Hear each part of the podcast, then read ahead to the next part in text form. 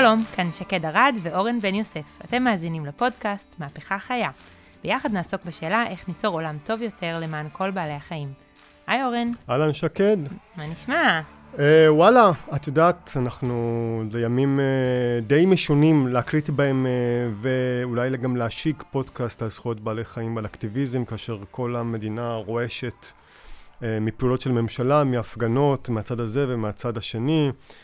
אה, גם השיח הציבורי לא ממש פנוי לשום דבר אחר, וגם, בואי נאמר את האמת, בלי מרחב דמוקרטי לפעול בו, קצת קשה לפעול למען בעלי חיים. ובכל זאת אנחנו כאן, ואנחנו מאמינים שחייבים להמשיך לדבר, לתכנן ולפעול למען בעלי החיים, כי אם אנחנו לא נעשה את זה, אז uh, גם עכשיו, ואולי אפילו בתקופות יותר אפלות שיבואו, uh, דיכוי בעלי החיים ימשיך, ואף אחד אחר לא ידאג להזכיר שזו בעיה. אז השאלה שלי זה אם אפשר ללמוד משהו ממה שמתרחש כאן עכשיו, על האופן שבו אה, נאבקים לשינוי. ממש, בהחלט. אה, אני אגיד שאני מרגישה שכל יום בתקופה הזאת הרועשת והסוערת, אני לומדת המון. אה, זה סוג של איזשהו בית ספר אה, על הכוחות שפועלים במדינה. אנחנו מצד אחד רואים את הממשלה שמבקשת לנכס לעצמה עוד ועוד כוח באמצעות כל מיני שינויים, מהחלשה של מערכת המשפט, שינויים במבנים של משרדי ממשלה וכו' וכו'. אה, אבל לא פחות משמעותי ויותר משמעותי אפילו, אנחנו רואים מה קורה כשציבורים מאוד גדולים מתנגדים לזה ובעצם יוצאים לרחוב ופועלים בכל מיני דרכים. או, oh, אז בואי תספרי איך זה קשור אלינו. אז תראה, השינויים שאנחנו מבקשים להביא, כן, אני, אתה וכל המאזינים שלנו, למען בעלי החיים והמהפכה הזאת שאנחנו מדברים עליה, הם, היא שינוי עמוק מאוד מאוד בתודעה, במערכות הכוח, במבנה, דיברנו על זה לאורך כל הפודקאסט. אה, מדובר בהרבה מעבר לרפורמה נקודתית כזאת או אחרת, אה, או ליצור איזושהי אלטרנטיבה מסוימת. זאת מהפכה פוליטית, ציבורית, תרבותית. ממש כך. לכן אנחנו חייבים להבין את, המער... את מערכות הכוח של החברה שאנחנו חיים בה. את הכוח של, אה, של השלטון, ובעיקר את הכוח שלנו, הציבור, אה, ואת אלו אפשר ממש לראות בצורה בהירה בימים האלה. את בעצם חלק מפרויקט של הקמת תנועה שהמטרה שלה היא רתימת כוח ציבורי למאבק במשבר האקלים ולמען זכויות בעלי חיים, נכון? כן, אז uh, גילוי נאות. אני חלק מהצוות מה, מצומצם שבעצם מתכנן את התנועה. זה מה שאני עושה בזמני החופשי. אה, אנחנו בעצם, אני ועוד חבר, אה, מנחים ביחד את התהליך הזה. מנחים למרות שאנחנו לא, אנחנו בעצמנו אף פעם לא עשינו דבר כזה. אנחנו לומדים בעצם, אה, תוך כדי. יש לנו צוות של שמונה אנשים שנפגשים, לומדים, חושבים ומתכננים. מה אתה אומר? אולי נזמין את זיו שמנחה איתי את התהליך? יאללה, בואי נזמין, נשמח לשאול אתכם כמה שאלות. היי זיו, מה, מה שלומך? איזה כיף שאתה איתנו. שלום, כיף להיות פה. אז אה, זיו הוא בעצם אה, פעיל זכויות בעלי חיים אה, ואקלים. היינו פעילים ביחד, ואפשר להגיד שהוא ממש הכריח אותי לעצור הכל, את כל הפעילות, ולשבת ללמוד. ועכשיו אנחנו עושים את התהליך של תכנון של תנועת שטח. זיו, אז uh, ברוך הבא ואני שמח לדבר uh, איתך ועם שקד, נכון? כלומר, לגמרי. אתם כאן uh, שניכם uh, ביחד לגמרי, כן. התהפכו הכוחות פה. בצד המתראיין, כן. כן. בדיוק. אני ושקד לא נפרדים. לא. איך תנועה מביאה לשינוי? שאלה מעולה. אני חייב להודות שאני עד לפני כמה שנים ממש לא הבנתי מה הקטע בלצאת להפגין. הרי אני רואה הרבה אנשים בחוץ מפגינים למשהו, וזה לא של הפוליטיקאי או למנכ"ל או למי שמפגינים עליו, שמפגינים מולו אה, אכפת מזה הרבה פעמים, כזה היה לי מאוד ציני לגבי זה, ודווקא מומנט מאוד מאוד מאוד פתחו לי את המוח לגבי אה, מה, מה המנגנונים מאחורי שינוי שנמצא בחברה בכלל, ואיך הפגנות או פעולות או התאספות של אזרחים יכולה לגרום לשינוי. אה, אז קודם כל, כשאנחנו חושבים על איך אפשר לגרום לשינוי, או איך תנועה יכולה להביא לשינוי, אז צריך לחזור צעד אחורה ול, ולשאול, למי בכלל יש את הכוח לגרום לשינוי בחברה? Mm-hmm. אז אה, הרבה מהדברים שמומנטום מתעסקים עליהם, או התורה של מומנטום מתבססת על חוקר בשם ג'ין שרפ, שזה חוקר, אה, הוא מת לפני כמה שנים, והוא הקדיש את חייו ללמוד מהפכות לא אלימות, ובעצם, ואת המנגנונים של איך מהפכות לא אלימות גורמות לשינויים. אה, ובעצם, אה, הוא מחלק את זה לתיאוריות של כוח, שהוא אומר, יש לנו שתי דרכים בעצם מקבילות או משלימות לחשוב על כוח. אז דרך אחת לחשוב על כוח זה שכוח נמצא אה, בראש הפירמידה של החברה. כלומר, אפשר לחשוב על איזושהי פירמידה, לדמיין לנו בראש, של בתחתית הפירמידה יש את כל פשוטי העם, ו... אה, אנשים וכלכלנים וחלק מהציבור הרחב. אנחנו. ובראש הפירמידה, אנחנו בדיוק, ובראש הפירמידה יש אה, שליטים או דיקטטורים או פוליטיקאים או מנכ"לים או טייקונים, אה, והרבה פעמים מחנכים אותנו לחשוב שבאמת הכוח נמצא אצל החבר'ה האלה שנמצאים בראש הפירמידה. ונגיד, אם אני אפתח חדשות, רוב הזמן ידברו איתי מה הפוליטיקאי הזה אמר, או עשה, או לא אמר, או כן עשה, או לא עשה, ומה אה, ג'פרי בזוס עושה, או מה מרק צוקרברג אומר, כאילו מחנכים אותנו די, וכשלומדים את ההיסטוריה, אז דוד בן גוריון עשה ככה, ובגין עשה ככה, והרבה פעמים יש דגש מאוד מאוד גדול על מה שליטים עשו, מה אלה שבראש הפירמידה אה, עשו. ו... ג'ינשר מוס... מוסיף לזה עוד תפיסה של כוח שמשלימה את זה, שהוא אומר בעצם, הכוח הוא נמצא לא רק אצל האלה שנמצאים בראש הפירמידה, אלא בשביל שיהיה להם כוח, צריך שיהיה שיתוף פעולה מאוד מאוד גדול מהרבה מאוד אנשים. בעצם הוא מצטט, הוא, יש משפט שאומר שממש מתמצת את זה, של צייתנות היא הלב של כוח פוליטי. אה, ובעצם גם דיקטטור, אם נחשוב על הדוגמה הכי נוראית של דיקטטור, אה, נגיד נחשוב על אה, צפון קוריאה, אז גם, גם הדיקטט, קים ג'ונג לא יכול לחרוש שדות בעצמו, הוא לא יכול לנהל צבא בעצמו, הוא לא יכול אה, לאסוף מיסים בעצמו, הוא לא יכול לשלוח דואר בעצמו. הוא, הוא חייב שיהיה שיתוף פעולה של הרבה מאוד אנשים כדי שיהיה לו כוח. אז בעצם אה, תנועות מכוונות אל הציבור במטרה לשכנע אותם להפסיק לציית. וברגע שהציבור מפסיק לציית, הסטטוס קוו חייב להשתנות. אתה אה, אה, העלית פה איזה נקודה יפה באמת, שאנחנו מתארים פה גם את ההיסטוריה לפי איזה נרטיב מסוים שהוא מצביע, כמו שאתה אמרת, רק על הבעל הכוח עשה ככה, בעל הכוח עשה ככה, אה, וזה סוג של נרטיב, איזה מין אידיאולוגיה שבתוך התיאור של ההיסטוריה, אבל אני רוצה קצת להקשות עליך, כלומר, נניח ואני מחליט בעצמי שאני מפסיק עכשיו לשתף פעולה אה, עם השלטון אה, בנושא מסוים. זה לא באמת יעבוד, כלומר, אני עדיין צריך ללכת למכולת ולבנק ולהיות חלק מהמערכת. איך, אה, מה, מה, החלטתי עכשיו מה, שאני עושה את הדבר הזה, מה הלאה בעצם? אז תראה, אורן, אני, אני לגמרי איתך, ואני חושבת שכל מי שגם עשה הסברה טבעונית נתקל בשאלה הזאת, אבל אם אני אפסיק להיות טבעוני, אם אני אעבור לטבעונות, אז מה, המערכת תשתנה? אה, אז צריך להסתכל על זה בצורה קצת יותר רחבה. הכוח אומנם נמצא אצלנו, אצל, אצל האזרחים, אבל הוא לא מחולק בצורה שווה אצל כולם. הוא מתפזר דרך, דרך כל מיני מוסדות, ארגונים וקבוצות בעצם, קבוצות כוח. אם אני לבדי אפסיק לשתף פעולה עם הממשלה, למשל, אשבוט, אני אגיד, אני לא הולכת לעבודה, ואני עוד עובדת בארגון סביבתי, זה באמת לא יעניין אף אחד. אבל אם... ישמח אולי כמה. כן, אפילו, אתה יודע, הייתי קודם מורה, אז אם כמורה לא הייתי הולכת לבית ספר, אז מעבר למנהלים ולילדים, אף אחד לא היה יודע את זה. אמ, אבל אם כל המורים שובתים, אז אנחנו יודעים כמה כוח יש לזה. הבנקים, המשטרה, אמ, לגופים האלה יש המון המון כוח. אם מורים מתאגדים ביחד, יש לזה המון כוח. אם אה, רופאים, רופאות מתאגדות ביחד. עכשיו, בתקופה האחרונה, דיברנו קודם על בית ספר, לאקטיביזם, אנחנו רואים את זה קורה סביבנו, מעבר להפגנות, הדבר בעיניי הכי מדהים שקורה, הוא דווקא לא ההפגנות, הוא העובדה שקבוצה אחרי קבוצה באה ואומרת, אנחנו כקבוצה אה, מתנגדים למדיניות של הממשלה, אנחנו כקבוצה מתגייסים למאבק הזה. אנחנו רואים את זה עם מוזיקאים, עם רופאים, הייטקיסטים, אה, אה, עובדי בריאות הנפש, באמת שזה הרבה מאוד... מילואימניקים. מילואימניקים. לגמרי. אה, אני מבין, אז אנחנו בעצם, באמת כמו שאמרת שאנחנו רואים עכשיו כל, מיני קבוצות כאלו, וה, והכוונה היא בעצם איזה מין, אה, ליצור איזה מין קבוצת לחץ או קבוצה ש... אה, אנחנו צריכים לראות איך, למה אנחנו מתרגמים את זה במאבק למען בעלי החיים, אבל קבוצה ש, ש, שתנהג באופן הזה. אה, לא בהכרח קבוצה. אתה רוצה... זאת מוזנת. אה, זה לא בהכרח קבוצה אחת. הכוונה היא שכשיש, כשהציבור, מה זיו דיבר על פנייה לציבור, כשהציבור איתנו, הציבור לא באמת בנוי מקשה אחת, לאט לאט עוד ועוד קבוצות ועוד ועוד גופים יכולים לתמוך במאבק שלנו. זה נראה אולי רחוק בנושא של זכויות בעלי חיים, מאוד רחוק. איזה בנק או אה, לא יודעת, אה, חברה תקום בדיוק. ותגיד, אני, אני משביתה את העבודה בשביל זכויות בעלי חיים, אנחנו עוד לא שם, אבל זה הכיוון.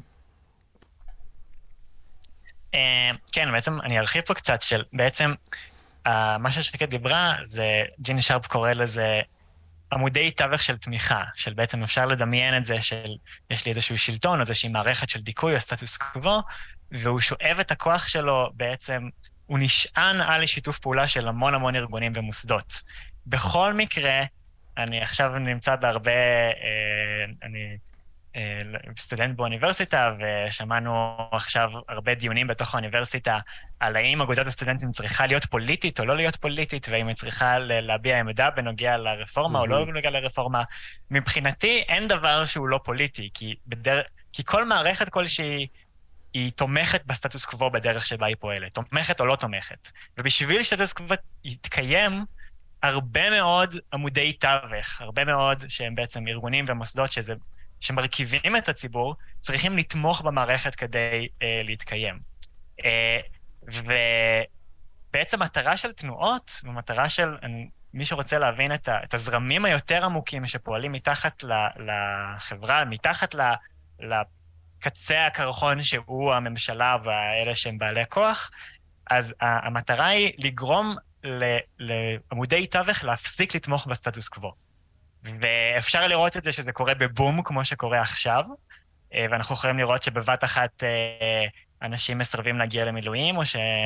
וגם על זה יש כמובן הרבה דיונים על אה, כמה זה לגיטימי או לא, אבל או שרופאים יוצאים כנגד זה, או שהייטקיסטים יוצאים כנגד זה, אבל זה יכול לקרות גם בצורה הרבה יותר עדינה. ויש כל מיני דוגמאות למאבקים, נניח המאבק של לזכויות לנישואים חד-מיניים בארצות הברית, שרואים איך לאט לאט ארגונים, עוד ועוד ועוד ארגונים בציבור, שינו את דעתם כלפי אה, אה, זכויות בעלי, אה, זכויות בעלי חיים, זכויות של להט"בים, עד שבסופו של דבר, ברגע שרוב הציבור שינה את העמדה שלו לגבי זה, ב-2011 בית משפט פסק בארצות הברית למען נישואים אה, חד-מיניים. אם המטרה היא לשנות דעת קהל, איך תנועות אומנים משנות דעת קהל? מעולה. אז באמת, אז יש פה אה, שיפט מאוד גדול, קודם כל, אני רק אשים את זה שוב לשולחן, של בתור תנועות, הרבה פעמים לא ינסו לנסות לשנות דעה של פוליטיקאי מסוים, או מנכ"ל מסוים, או בעל כוח מסוים, אלא הם ינסו ל- לעשות shift בזרמים ובתמיכה של המערכת מתחת לפני הקרקע, בעצם לעשות shift לדעת קהל. עכשיו השאלה היא באמת, איך עושים את זה? איך גורמים ל shift הזה של התמיכה? והרבה פעמים כשאנחנו חושבים על שינויים בדעת קהל, אם נגיד אני יכול אה, נאיבית להסתכל אחורה, לחשוב, טוב, אז ככל שעבר הזמן, נניח היה פחות ופחות גזענות, ויותר ויותר קבלה של להט"בים, או יותר ויותר קבלה של אה, אה, זכויות שחורים, אה, אבל למעשה, כשמסתכלים על ההיסטוריה, אז שינויים הם לא כאלה ליניאריים והדרגתיים, והם הרבה פעמים קורים בקפיצות מאוד גדולות. אה, ישנם רגעים מאוד מסוימים בהיסטוריה, שבהם יש שינוי מאוד מאוד מהיר בדעת קהל ציבורית. אמ, אנחנו קוראים לזה, מומנטום קוראים לזה אה, רגע מערבולת. שזה רגע כמו שאנחנו רואים עכשיו, שבו אלפי אנשים פתאום מתעסקים, יוצאים לרחובות, או כל, כל תשומת הלב הציבורית, פתאום על נושא מסוים. כמו, כמו שכאילו לפני שנה מיכל, מי הכיר את הוועדה למינוי שופטים, ועכשיו זה הנושא החם שכל אחד אה, אה, בקיא בו. לגמרי. אז uh, ממש אותו דבר, אני לא יודעת אם אתם זוכרים, אבל uh, היה תקופה שפתאום נושא היה מחירי הדיור. אפשר היה רק לדבר על מחירי הדיור סביב המחאה החברתית ב-2011. היה תקופה שפתאום כולם דיברו על הדרת נשים, יום אחד זה פשוט נעלם מהכותרות. Mm-hmm. Uh, יש תקופות שפתאום מדברים על זכויות להט"בים, זה, זה ממש בבום. לגמרי, אז הרגע מערבולת שאנחנו רואים עכשיו זה רגע מערבולת של הגיוני, למה הוא דווקא קורה עכשיו? כי זה בא כתגובה למהלכים שהממשלה עושה, והגיוני שכולם ידברו על uh, דמוקרטיה ועל מערכת המשפט שהם מרגישים שזה בסכנה, אבל להבדיל מזה, יש הרבה מאוד uh, רגעים, מחאות שצצו בעבר, שהם היו, שזה נראה כאילו הם קרו ספונטנית. אה, אפשר לחשוב נגיד במחאת האוהלים ב-2011, ששקד דיברה עליה, או האביב הערבי, שגם היה ב-2011, 2011 הייתה שנה של הרבה מחאות, או אוקיפאי וול סטריט, שפתאום בארצות הברית גם אנשים יצאו והוציאו מלא אוהלים, ופתאום התחילו לדבר על אי שוויון, ובעצם אי שוויון זה משהו שהיה קיים הרבה לפני והמשיך להיות קיים הרבה אחרי, אבל ברגע אחד היה שיפט מאוד מאוד גדול של הרבה אנשים, שזה הפך להיות נושא מאוד מאוד חשוב, ו... וכשבודקים באמת את הדעות הציבוריות, זה השתנה גם להרבה מאוד זמן אחר כך. Uh, וזה נראה כאילו שהרבה מר, מר, רגעי מערבולת כאלה, הם קרו מעצמם, פשוט כי התנאים הבשילו לזה. Uh, אבל למעשה, הרבה רגעים כאלה הם תוכננו מראש. כלומר, היה ממש תנועות מאחוריהם שניסו להנדס אותם באופן מלאכותי ולייצר אותם. אז כל המחאות של מרטין לותר קינג, והמקרה ממש ממש אה, מפורסם לזה, זה שרוזה פארקס סירבה לפנות... כן, סירבה למאזינים אולי שלא מכירים, אז רוזה פארקס הייתה אישה שחורה ש... אה, חוקי האפליה בארצות הברית בשנות ה-50, שאנשים שחורים היו חייבים לפנות מקום לאדם לבן אה, ולקום, כי אם הוא מבקש מהם, והיא סירבה לקום לאדם, לאדם לבן, סירבה לפנות את המושב של האדם הלבן שביקש ממנו לקום. ו...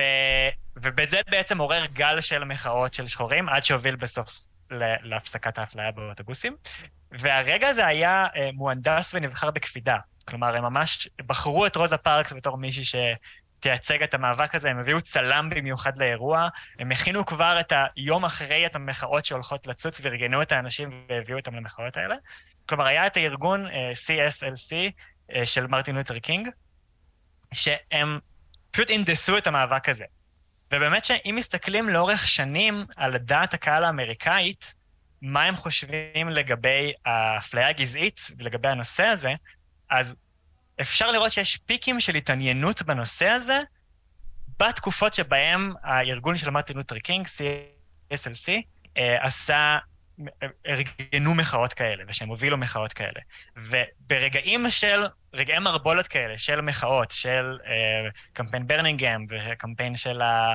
אה, ששחורים סירבו לפנות, להתפנות ממסעדות שאסור היה להם לשבת בהן, שהובילו להרבה גל אלימות כלפי שחורים ולאנשים שיוצאים לרחובות, אז כל האירועים האלה, כל הפעולות הישירות האלה וכל הדרמה שזה יצר, הוביל דיון ציבורי מאוד מאוד גדול לנושאים האלה, שלפני, עד לפני, ימים לפני, אף אחד לא דיבר עליהם, והדיון הזה בעצם חשף אי צדק שקורה שם הרבה מאוד זמן, וגרם לשינוי מאוד מאוד גדול בדעת הקהל האמריקאי בדרך מאוד מאוד מהיר.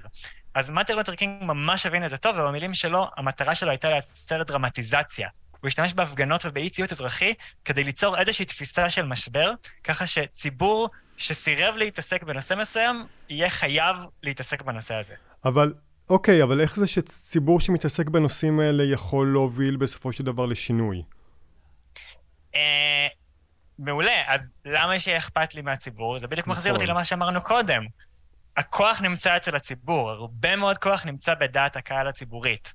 ואם אני מצליח לגרום לאחוזים מאוד גדולים של הציבור להבין שיש אי צדק ודיכוי ולגרום, להעלות את זה בסדר החשיבות שלהם, ולהעלות את מספר האנשים שתומכים בי, וגם פסיבית, כלומר שגם תומכים במאבק שלי, אבל לא עושים שום דבר, וגם אקטיבית, וגם הם חלק אקטיבי מהמאבק הזה, אז יותר ויותר אנשים וקבוצות ועמודי תווך ו- וארגונים ומוסדות מפסיקים לשתף פעולה עם הסטטוס קוו עד שהוא חייב להשתנות. אז זה יכול לקרות בפתאומיות, בדוגמה מאוד קיצונית לזה זה אה, בשנת, באוקטובר בשנת 2000, אה, בסרביה היה דיקטטור בשם מילושביץ' ששלט mm-hmm. מעל עשור בסרביה, שהיה רגע אחד מאוד מאוד קיצוני של עשרות אלפי אנשים שמגיעים לבירה של סרביה, לבניין הפרלמנט, ובאופ... והכריחו אותו לצאת מה... אה, לצאת מהמושב שלו בפרלמנט ולהתפטר. וזה קרה אחרי שבעצם גם המשטרה וגם הצבא... יש לציין לא באלימות. לא באלימות, כן, כן. טוב, שרפו שם בניין פרלמנט, אז אני יודע, זה קצת גבול של אלימות, mm. אפשר להגיד, אבל המאבק עד אותו רגע היה לא אלים לחלוטין, ובעצם הם הצליחו לזכות כל כך בדעת הקהל הציבורית במאבק הזה, שגם הצבא וגם המשטרה פשוט זרמו עם המפגינים, הם לא התנגדו למפגינים. אה, וזה בעצם רגע מאוד מאוד קיצוני של אה, שינוי פוליטי מאוד מאוד גדול, בעקבות מחאה של עשרות שנים. אה, אבל זה גם יכול לקרות בהדרגה, וזה מחזיר אותי גם למה שאמרתי קודם, של המאבק על נישואים חד-מיניים בארצות הברית, שבעצם במשך עשרות שנים היה את uh, צעדות uh, של מצעד הגאווה, ו... והרבה קמפיינים ציבוריים כדי לשנות דעת קהל כלפי uh, להט"בים, ויותר ויותר סלבס שיצאו מהארון באופן פומבי, uh, עד ש... לאט לאט אה, ארגונים של פסיכולוגים שינו את דעתם לגבי זה שאין שום דבר אה, רע בלהיות להט"ב, אה, ויותר ויותר ארגונים שנגיד של זכויות ילד אמרו שאין שום דבר רע בלגדל, בזוג חד-מיני שמגדל ילד, עד שבסופו של דבר, הדבר הקיצוני על זה, זה שארגון שבשם אקסודוס, שהיה ארגון של אה, טיפולי המרה, יצא בקריאה של הוא מצטער שלאורך שנים הוא מבין שהוא טעה ושהוא פגע בהרבה מאוד אנשים ושהוא מפסיק את הפעילות שלו. ובעצם מה שרואים, שהרבה מאוד פוליטיקאים, אם נסתכל על אנשים שמייצגים את המפלגה הדמוקרטית, ביל קלינטון, הילרי קלינטון, אה, ברק אובמה, אה, ג'ו ביידן, בשנות ה-90, אם שואלים את הדעות שלהם מה הם חושבים על נישואים הלהט"בים, אז הם יגידו שהם ממש ממש תמכו. ביל קלינטון העביר את חוק להגנת הנישואים, שזה חוק ש... אה, מגדיר שנישואים זה בין גבר לאישה, ואיכשהו אחרי 2011, שהסקרים הראו שדעת הקהל האמריקאית השתנתה, ומעל 50% מהציבור בעצם תומך בנישואים חד-מיניים, פתאום כל הפוליטיקאים האלה התפכחו וראו את האור ושינו את דעתם והחליטו שבעצם uh, uh, love is love והם תומכים בנישואים חד-מיניים. Uh, אז בעצם וזה שינוי הרבה יותר הדרגתי שקרה לאורך עשרות שנים, והוא לא היה איזה בבום כלשהו, כן. כמו של שלטון דיקטטורי שנופל, אבל בסופו של דבר, הזרמים היותר עמוקים של דעת הקהל הצליחו בסופו של דבר לפעפע ולהפסיק אה, לתמוך בסטטוס קוו של אה, אפליה על רקע אה, נטייה מינית. אז בעצם המטרה שלנו בתוך תנועה זה לגרום למעל 50% מהציבור לתמוך בנו פסיבית, ש... שהוא יתמוך, ש... ש... שיחשוב שהמאבק שלנו הוא מאבק צודק, ושישנה את הדעה שלו כלפי זכויות בעלי חיים, במקרה שלנו. ואנחנו רוצים יותר ויותר אנשים שיתמכו בנו אקטיבית, שיהיו חלק פעיל במאבק, שיצביעו על פי האמונות שלהם, שיפגינו, שיסבירו, שידברו על זה, שיהיו אקטיביים במאבק שלהם, ובאמת מחקרים מראים שאין אף מאבק ששלוש וחצי אחוז מהאוכלוסייה היו תומכים בו בצורה אקטיבית ומתמשכת שהוא נכשל. כלומר, כל מאבק שהשיג 3.5% מהאוכלוסייה של תמיכה אקטיבית ומתמשכת, הצליח בסופו של דבר. אוקיי, okay, עכשיו אני מתנצל שאני בכל זאת מנסה להקשות. כלומר, אה, שמענו פה דברים מאוד מאוד יפים, אבל גם ככה, זאת המטרה של התנועה הטבעונית היא לשנות דעת קהל לאורך שנים. להפוך יותר ויותר אנשים לטבעונים, אז, אז מה בעצם החידוש שאתה מציג פה? מה ההבדל? תראה, אה, אני חושבת שזו נקודה, וזו אולי אחת הנקודות ה... שבעיניי צריך להתעכב עליהן בפודקאסט שלנו. כי אנחנו התרגלנו לחשוב בתנועה שלנו על הפרט, וההסתכלות פה היא הסתכלות ששואלת איפה נמצא הכוח מצד אחד, ומצד שני היא אומרת, אנחנו לא רוצים להפיל את האחריות על הפרט, או את האשמה על הפרט, אנחנו רוצים להפנות את הפרטים אל עבר המערכת. המערכת mm-hmm. היא בדיוק. זאת שיוצרת אי צדק. עכשיו, מה זה המערכת? המערכת מלאה באנשים, כן? אבל זה, זה לא בן אדם אחד שעכשיו יקום ויעבור לטבעונות, אופס, כל המערכת השתנה. הרי יש פה מערכת של מיסים של, של, של, של, אה, שמסבסדת את התעשייה הזאת. יש פה חוקים שאומרים שמותר לגרוס אפרוחים בדרך כזאת או אחרת, נכון? יש ממש תקנות שאומרות איך מותר לגרוס אפרוחים. יש אה, אה, אה, אה, מסעדות, יש רשתות שיווק, יש כל כך הרבה הרבה גופים, גם ציבוריים, של המדינה וגם גופים אה, אה, אה, מסחריים וכן הלאה, שמייצרים את הדבר הזה, שאנחנו צריכים לרתום את הציבור כנגד אותם גופים ולדרוש מהם להשתנות. זה, זה לא יקרה אם אנחנו נגיד, אם אנחנו נרתום אלינו רק טבעונים, אגב. Mm-hmm. אם אנחנו נגיד, רק מי שטבעוני יכול להצטרף למאבק שלנו, אין לנו סיכוי, כי אנחנו רחוקים מאוד מ-50% טבעונים. השאלה אם אנחנו יכולים לייצר אה, קריאה ציבורית, שיותר מאחוזים מהציבור, אחוזים משמעותיים, יכולים לתמוך בה ולהצטרף אליה. לגמרי, אז נגיד, אם מסתכלים על סקרים שאנימלס עשו בשנים האחרונות, אז יש אחוז מאוד מאוד גדול מהציבור ששואלים אותו באופן פרטני, האם אתה מתנגד למשלוחים חיים או לכלובי סוללה, אז מעל 90% מהציבור יכול להצטרף לנו לקריאה של כן, כשאני רואה את ההתעללות הזאת, אני מסכים שהיא לא בסדר. ואני מכיר הרבה מאוד אנשים, חברים קרובים שלי, שהם לא לגמרי טבעונים, ושהם... אה, שאני מספר להם על הזוועות של תעשייה, הם מזדעזעים לגמרי, מבחינתם, יש לי חבר טוב שאומר, בטח, קשה לי להיות טבעוני, אבל אם הייתי יכול ללחוץ על כפתור ולסיים את כל תעשיית המזון מהחי, הייתי עושה את זה.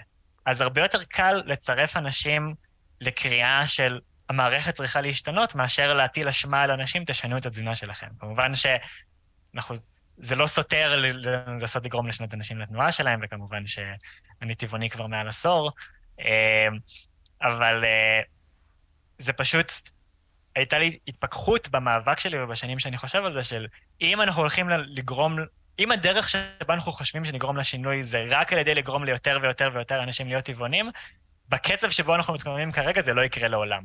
ואנחנו מתעלמים פה בעצם מזה שיש מערכת שלמה שמטה את הכף ככה שיהיה יותר קל לאנשים אה, להיות אוכלי בשר ולתמוך בתעשיית המזון מהחי, ומקשה עליהם להיות טבעונים. ויש הרבה מאוד אנשים שברגע שנעיר את תשומת ליבם לזה, יוכלו להצטרף לקריאה של, כן, המערכת כמו שהיא כיום, גם אני לא מסכים לה בתור אחד שאוכל בשר. ויש הרבה מאוד אנשים שיכולים להתחבר לקריאה של אה, שאנחנו מסבסדים בשר, אנחנו פוגעים בבריאות שלנו, אנחנו פוגעים זה הרס משמעותי לסביבה, אני לא צריך לספר כמה, בטוח היה לכם גם אורחים אחרים בפודקאסט שדיברו על הקשר בין אה, סביבה אה, לתעשיית המזון מהחי, ויש הרבה מאוד אנשים ש, שמודעים לזה, לכמה פוגענית התעשייה הזאת, שאנחנו יכולים לגרום להם יותר מודע, מודעים לקשר הזה בין הפגיעה בבריאות שלנו ופגיעה בסביבה והפגיעה בבעלי החיים והמערכת הזאת. ו... ויש הרבה מאוד אנשים שיתמכו בזה, נגיד אם נדרוש ממוסדות ציבור להפסיק להגיש אה, מזון לא בריא. יש, היום יש את הרשימה של המזונות שמשרד הבריאות אה, מגדיר כסל מזון בריא. רוב המזונות שהם טבעוניים, לחם מלא ו- וטופו וירקות. אה, ואם אתה מסתכל על המזון שהמשרד החקלאות מסבסד, או משרד האוצר מסבסד, זה לא אותם מזונות, מה שמסבסד זה חמאה וסוכר לבן ועוף. זה כזה, איך יכול להיות ש... המערכת בעצמה אומרת לנו מה בריא, ואז מנגישה לנו מזונות לא בריאים. אה, אז התיאוריה שלנו שאלה סוג של דרישות שגם אנשים שהם לא טבעונים וגם לא ימצאו לעצמם אורח חיים אה, טבעוני ב-100%, יכולים להיות מאחורי זה מהדרישה של המערכת צריכה להשתנות. אוקיי, okay, מעניין, יפה. אה, הבנתי אתכם, אבל איך אנחנו עושים את זה? כלומר, נראה לי שזה מאוד קשה, זה לא שברגע אפשר פשוט להוציא עכשיו אה, עשרות אלפי אנשים אה, או מאות אלפי אנשים לרחובות כדי שהם יוכלו לזכות בעלי חיים. כן, זאת אומרת, אה, כן. אם מחר אנחנו אומרים, אה, יאללה, יוצאים לרחובות אה, על הנושא של הסובסידיות של מזון מהחי, זה אני ואתה שם, שלושתנו. כן. לגמרי, כן. לא הרבה אנשים יצטרפו. זה לא כמו שאנחנו יכולים להגיד גלעד מפוטר, ואז לא. אלפי אנשים. אה, לגמרי. אז כן, ברור, אי אפשר להנדס רגע מערבולת כזה בקלות, וזה עוד יותר קשה לנושאים שלא נמצאים בתודעה הציבורית, כמו הנושא של דיכוי בעלי חיים. אה, אז בעצם, זה אחד מהדברים שהמומנטום מאוד משקיעים בהם, איך אנחנו גורמים לאיזשהו מעגל של אסקלציה, שתנועה יכולה לאורך שנים לצבור יותר ויותר ויותר ויותר כוח ויותר capacity של התנועה, יכולות שהתנועה יכולה לעשות, ויותר תמיכה ציבורית, עד שבסופו של דבר זה עובר איזשהו tipping point, איזושהי נקודת מפנה, שמתחילה ליצור רגע מערבולות גדולות שגורם לשינוי מאוד מאוד גדול בדעת הקהל. אמ, אז דוגמה ממש טובה לזה זה Black Lives Matter, זו תנועה לזכויות שחורים בארצות הברית ונגד אלימות משטרתית. אה, אני פעם ראשונה שמעתי עליהם ב-2020, אחרי ה... אה, רצח של ג'ורג' פלויד בידי המשטרה, וזה הפך להיות ממש סלוגן אה, משמעותי של אלפי אנשים יצאו, עשרות אלפי אנשים בארצות הברית, או מאות אלפי יצאו לרחובות, אבל רק אחר כך גיליתי שזו תנועה שבעצם פעלה שנים לפני 2020, לפני הרגע של ג'ורג' פלויד. כלומר, זו תנועה שבנתה את הכוח שלה במשך המון המון המון זמן, והרצח של ג'ורג' פלויד, על ידי זה ששוטר משטרה, שוט, שוטר משטרה, על זה ששוטר אה, אה, הרג אותו, ולא בצדק, זה היה איזשהו אירוע טריגר, איזשהו אירוע שהם רכבו עליו כדי ליצור את הרגע מערבולת הזה של פתאום מביא את התשומת לב הזאת של אלימות משטרתית תשומת הלב הציבורית, והם בעצם הצליחו לקחת ניצוץ ולהצית אותו לאש, להצית אותו לאירוע שגורם לשינוי ציבורי מאוד מאוד גדול בנושא הזה.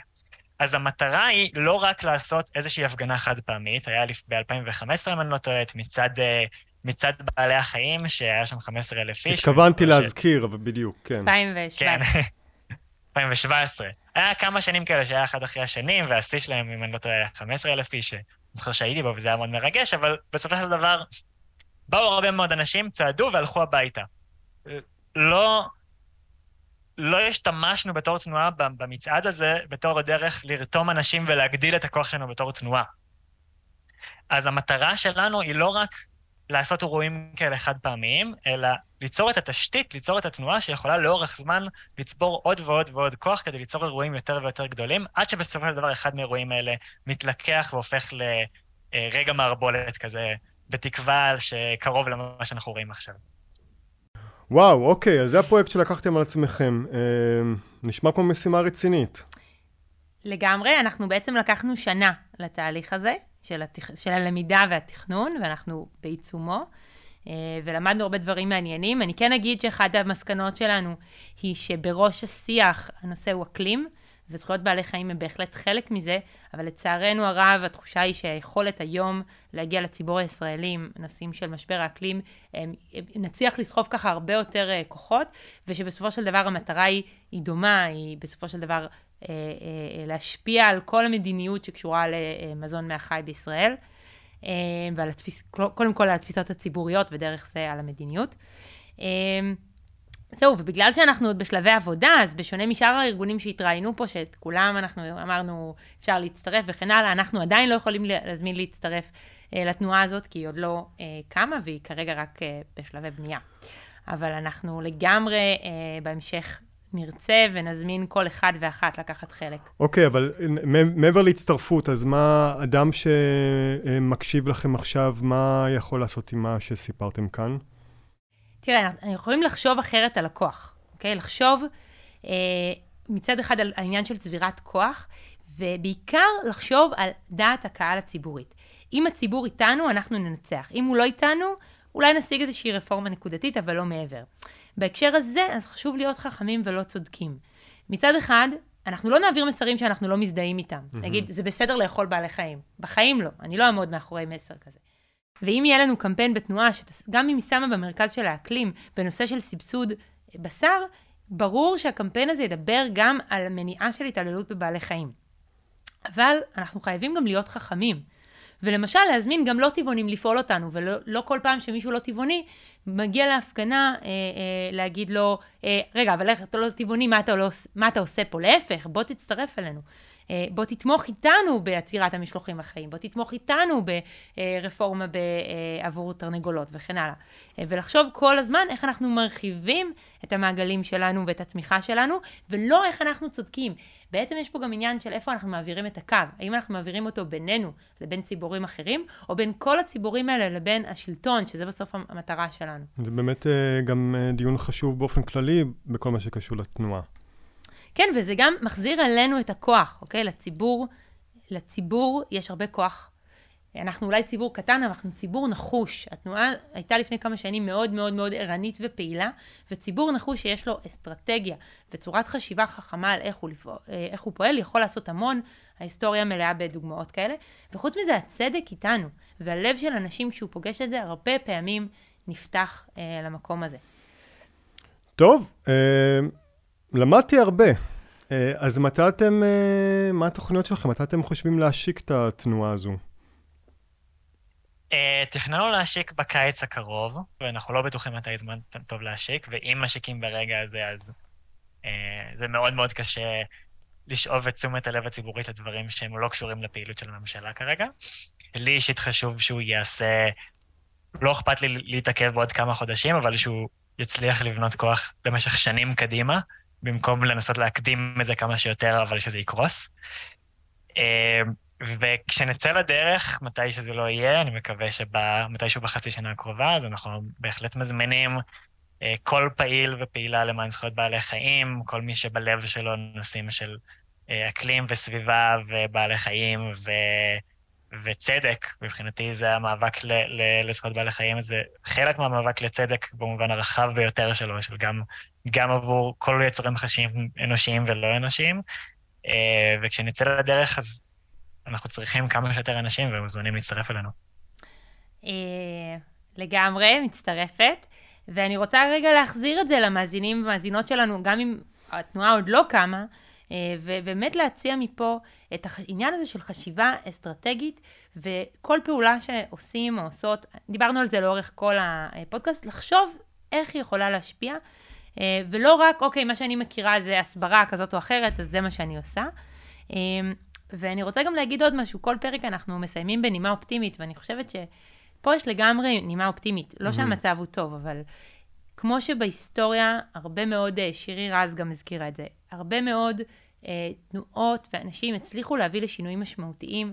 אנחנו מאמינים, מאמינות וחייבים להאמין שגם בנושא של זכויות בעלי חיים אפשר להביא שינוי גם בישראל וגם ברמה העולמית. יכול להיות שזה ייקח עוד הרבה זמן, אה, אבל בהחלט אם אנחנו נפעל חכם ונהיה נחושים, זה אפשרי. אז אה, זיו, ממש ממש תודה שהצטרפת, וככה יכולנו לשתף ביחד על הפרויקט. תודה שהערכתם אותי. שמחתי לדבר כן. איתכם, עם שניכם. תודה, זיו. תודה רבה על האירוח. ביי ביי. ביי. אה, אגב, רציתי רק להוסיף שאם החזון הזה נראה קצת אה, רחוק או גדול, אז אנחנו תמיד מזכירים שאפשר להתחיל בקטן. וזה תחום שחשוב, נושא שחשוב לזכור אותו, ובפרק הבא אנחנו בדיוק עוסקים בדיון הזה, איך מתחילים לפעול אה, בכיוון של הצלת בעלי חיים. רגע, וזה גם הפרק האחרון שלנו לעונה, נכון? וואו, הפרק הבא. כן. אז שווה להאזין אה, לפרק אה, הבא. אה, יאללה מהפכה? יאללה מהפכה.